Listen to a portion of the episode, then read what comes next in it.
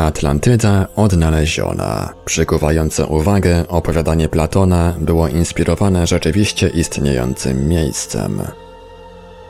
Mamy rok 360 przed naszą erą. Świt zachodniej cywilizacji. Ateny, kolebka demokracji, stanowią epicentrum starożytnego świata. W swoich dialogach o Timaios i Critias Platon wprowadza opowieść o zaawansowanej prehistorycznej cywilizacji, która od tego momentu zniewalała wyobraźnię wszystkich następnych pokoleń. Była to historia o Atlantydzie, idyllicznym wyspowym raju uzdolnionych nawigatorów, którzy często w swoich eksploracjach przecinali Atlantyk. Według Platona Atlantyda ostatecznie zniknęła w morzu, nieprędko jednak o niej zapomniano. Przez dwa tysiąclecia ludzie bezskutecznie poszukiwali legendarnej wyspy, co czyni Atlantydę jedną z najdłużej trwających i fascynujących historii wszechczasów. Co jednak z tymi, którzy w tym czasie twierdzili, że odnaleźli zaginioną wyspę? Tak naprawdę do tej pory nikomu nie udało się wskazać miejsca, które idealnie pasowałoby do opisu Platona. Zamiast tego mamy teorię na teorii o możliwych lokalizacjach Atlantydy. Ale dlaczego? Skoro wszyscy korzystają z tej samej księgi, to skąd bierze się to przypuszczalne zamieszanie? Czy może to być kwestia zbiorowej błędnej interpretacji przez badaczy? Czy też wcześniej tłumacze błędnie uchwycili i przekazali zeznania Platona? I co z konfliktem chronologicznym, który występuje w jego zapiskach? Weźmy na przykład pierwotną hipotezę o Santorynie. Bez wątpienia wyspa Santoryn, jej erupcja wulkaniczna i zaawansowana cywilizacja minojska to najlepsze, czym jeszcze do niedawna dysponowaliśmy. Nigdy jednak ta hipoteza nie była pozbawiona wad. Problemem dla tej teorii był fakt, że podawana przez Platona chronologia sięgająca 9600 roku przed naszą erą musiała być odrzucona. Ateny i większość szczegółów tej historii nie pasowały do tego okresu. Z tą historią jest jednak jeszcze inny, większy problem. Choć Santoryn niewątpliwie pasuje do miejsca, w którym stała niegdyś stolica Atlantydy, mowa o koncentrycznych kręgach ziemi i wody, to jednak wyspa ta nigdy nie pasowała w całości do opisu Platona. Główna wyspa Atlantydy, która zgodnie z tym, co przekazał Platon, miała się znajdować 9 km stamtąd, nie istnieje w tym szczególnym ustawieniu z 1600 roku przed naszą erą. Te główne wady spowodowały, że krytycy podnieśli wątpliwości co do tej hipotezy i w dalszym ciągu kwestionowali prawdziwość historii opowiedzianej przez Platona. Rzecz jasna, poważne badanie Atlantydy nigdy nie było proste. Pisarze science fiction, filmy i inne kreatywne dzieła sztuki popularnej w końcu skapitalizowały popularność opowieści i wbrew temu, co podaje Platon, z czasem przemieniły Atlantydę w ultranowoczesne społeczeństwo, posiadające latające maszyny oraz technologię dalece przewyższającą naszą.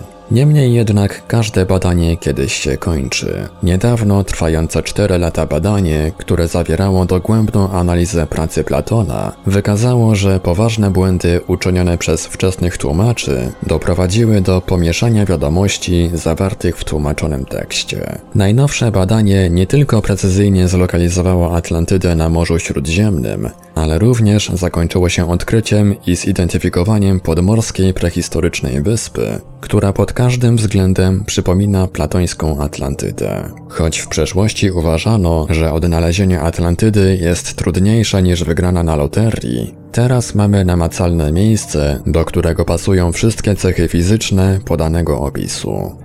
Topografia, podawana chronologia, geologia wulkaniczna, flora i fauna z tamtego okresu, zniszczenie wyspy przez wielką powódź, obecność na tym terenie nieznanej prehistorycznej cywilizacji, a także dowody w postaci DNA. Wszystko to wskazuje na autentyczne odkrycie. Mówiąc dokładniej, badanie pokazuje, że około roku 9600 przed naszą erą, gdy według Platona Atlantyda znajdowała się nad wodą, współczesne cyklady były połączone z płaskowyżem cyklad, płaskim terenem, obecnie znajdującym się 400 stóp pod poziomem morza, który tworzył ogromną wyspę. Jeśli porównamy tę prehistoryczną wyspę z platońską Atlantydą, natychmiast staje się oczywiste, że to właśnie ten ląd o którym wspominał Platon. Jego północna część składa się z gór, które sięgały brzegów. Poniżej górzystego obszaru znajdowała się podłużna dolina mierząca 555 km2. Poniżej tej doliny znajdowała się jeszcze jedna, mniejsza, mająca wymiary dwóch trzecich większej i licząca sobie 370 km2. To była główna wyspa. 9 kilometrów od niej, dokładnie tam, gdzie wskazał Platon, leży wyspa Santoryn.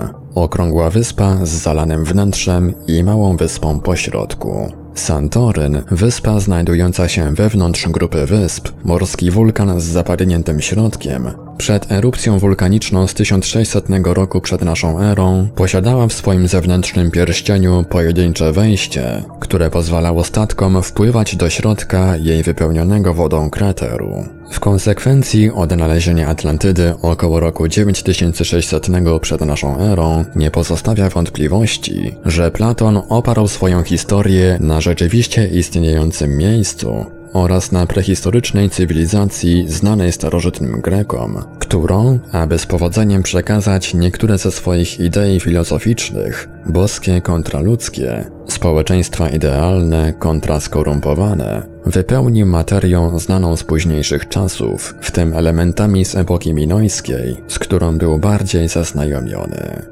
Mówiąc w skrócie, istnienie pasującego miejsca około 9600 roku przed naszą erą dowodzi, że Platon zrobił dokładnie to samo, co Homer uczynił stroją 400 lat wcześniej. Iliada Homera była całkowicie fikcyjną historią, obracającą się wokół prawdziwego miejsca i historycznego incydentu, który miał miejsce 600 lat przed samym Homerem. Superwyspa Płaskowyż Cyklat Platońska Atlantyda została zatopiona przez morze około 8000 roku przed naszą erą w trakcie szybkiego rozrostu Morza Śródziemnego tuż przed zalaniem Morza Czarnego. Przypadkowo, mniej więcej w tym czasie, jezioro Agassiz, gigantyczne jezioro polodowcowe w Ameryce Północnej, również się otwarło i poczęło tonąć w Atlantyku. Warto zaznaczyć, że jezioro Agassiz pokrywało obszar większy niż wszystkie wielkie jeziora razem wzięte 440 tysięcy kilometrów kwadratowych. Zawierało też więcej słodkiej wody niż mają dzisiaj wszystkie jeziora świata. Całkowita objętość słodkiej wody, jaka wypłynęła z tego jeziora, była tak ogromna, że, jak uważają naukowcy, podniosła ona poziom oceanów o co najmniej 9 stóp, a następnie spowodowała w ciągu następnych 8200 lat małą epokę lodowcową, która trwała 400 lat. Ten globalny kataklizm pod koniec ostatniej epoki lodowcowej, który ostatecznie doprowadził do podniesienia poziomu oceanów o 400 stóp, nie tylko wymazał naszą wczesną historię, lecz również mógł być wydarzeniem, które znamy jako Wielki Potop. Jeśli chodzi o wyspę lub kontynent po drugiej stronie słupów Herkulesa, większy niż Libia i Azja razem wzięte, Najnowsze badanie pokazuje, jak odniesienie się Platona do kontynentu amerykańskiego zostało błędnie zinterpretowane jako Atlantyda. Wzmianka o kontynencie znajdującym się po drugiej stronie Atlantyku, tym, który, cytat, obejmował ten istny ocean, stanowiło dla Platona poetycką próbę ukazania nieprawdopodobnych możliwości żeglarskich Atlantydy i umiejętności przemierzania oceanu przez skakanie po wyspach. Przez Szkocję, Orkady, Wyspy Owcze, Islandię i Grenlandię. Tak naprawdę kilka wskazówek i dowodów archeologicznych potwierdza, że starożytni Grecy wiedzieli o istnieniu amerykańskiego kontynentu, stąd też Platon umieścił go w swojej opowieści. Implikacje wynikające ze zlokalizowania Atlantydy na Morzu Śródziemnym wychodzą poza samo odkrycie. Nie tylko potwierdzają one twierdzenie Platona o prehistorycznych wyprawach za Atlantyk, ale również mogą w końcu pomóc w wyjaśnieniu, w jaki sposób śródziemnomorski morska haplogrupa X dotarła do Ameryki Północnej 10 tysięcy do 12 tysięcy lat temu. Choć obecnie większość genetyków utrzymuje, że haplogrupa X przedostała się do Ameryki przez cieśninę Beringa, mapy genetyczne pokazują, że najbardziej oddalonym od Śródziemia na wschód regionem, gdzie występują niewielkie ślady haplogrupy X, jest Republika Altaju na południu Rosji. Między Republiką Altaju a większym obszarem Wielkich Jezior nie istnieje żaden ślad haplogrupy X. Jeśli haplogrupa X zinfiltrowała Amerykę Północną poprzez cieśninę Beringa, to dlaczego największa koncentracja haplogrupy X poza Śródziemiem znajduje się wokół Wielkich Jezior, nie zaś na Alasce lub wzdłuż zachodniego wybrzeża? Co najważniejsze, jak inaczej wyjaśnić fakt, że silne ślady haplogrupy X przypadkiem istnieją również w Szkocji, na Orkadach, Wyspach Owczych oraz na Islandii? czyli na wszystkich wyspowych przystankach między Europą a Ameryką Północną. Wreszcie, licząca sobie 10 tysięcy lat cywilizacja śródziemnomorska może pomóc wyjaśnić więcej osobliwości archeologicznych tego regionu. Niedawne badania erozji i aktywności sejsmicznej na płaskowyżu Giza wykazały, że Wielki Sfinks może być strukturą dużo starszą niż do tej pory sądzono, a wraz z Gobekli Tepe w Turcji obydwa obiekty wydają się zbieżne z historią Platona o Atlantydzie. Czy możliwe jest, że Gobekli Tepe i monument Wielkiego Sfinksa stanowią pozostałości tej samej zaawansowanej cywilizacji, którą Platon opisał w swojej historii, a która w porównaniu ze swoimi sąsiadami w Afryce i Środkowym Wschodzie rozwijała się bardzo intensywnie, czy też należą one do innej kultury?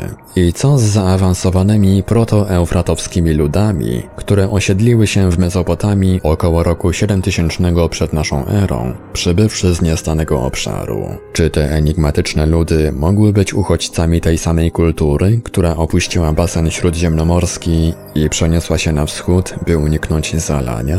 Niewątpliwie mogli przynieść ze sobą historię Wielkiego Potopu, jak również umiejętności i technologie, by wznieść kolejną wielką cywilizację, taką jak starożytny Sumer. Podobnie jak ocalenie wokół Cyklad i sąsiednich wysp mogli ostatecznie przyczynić się do powstania kultury minojskiej.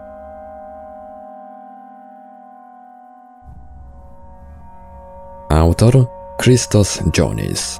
Ancientorigins.net Fragment książki Ukronia Atlantis Revealed. Tłumaczył, opracował i czytał Ivelios.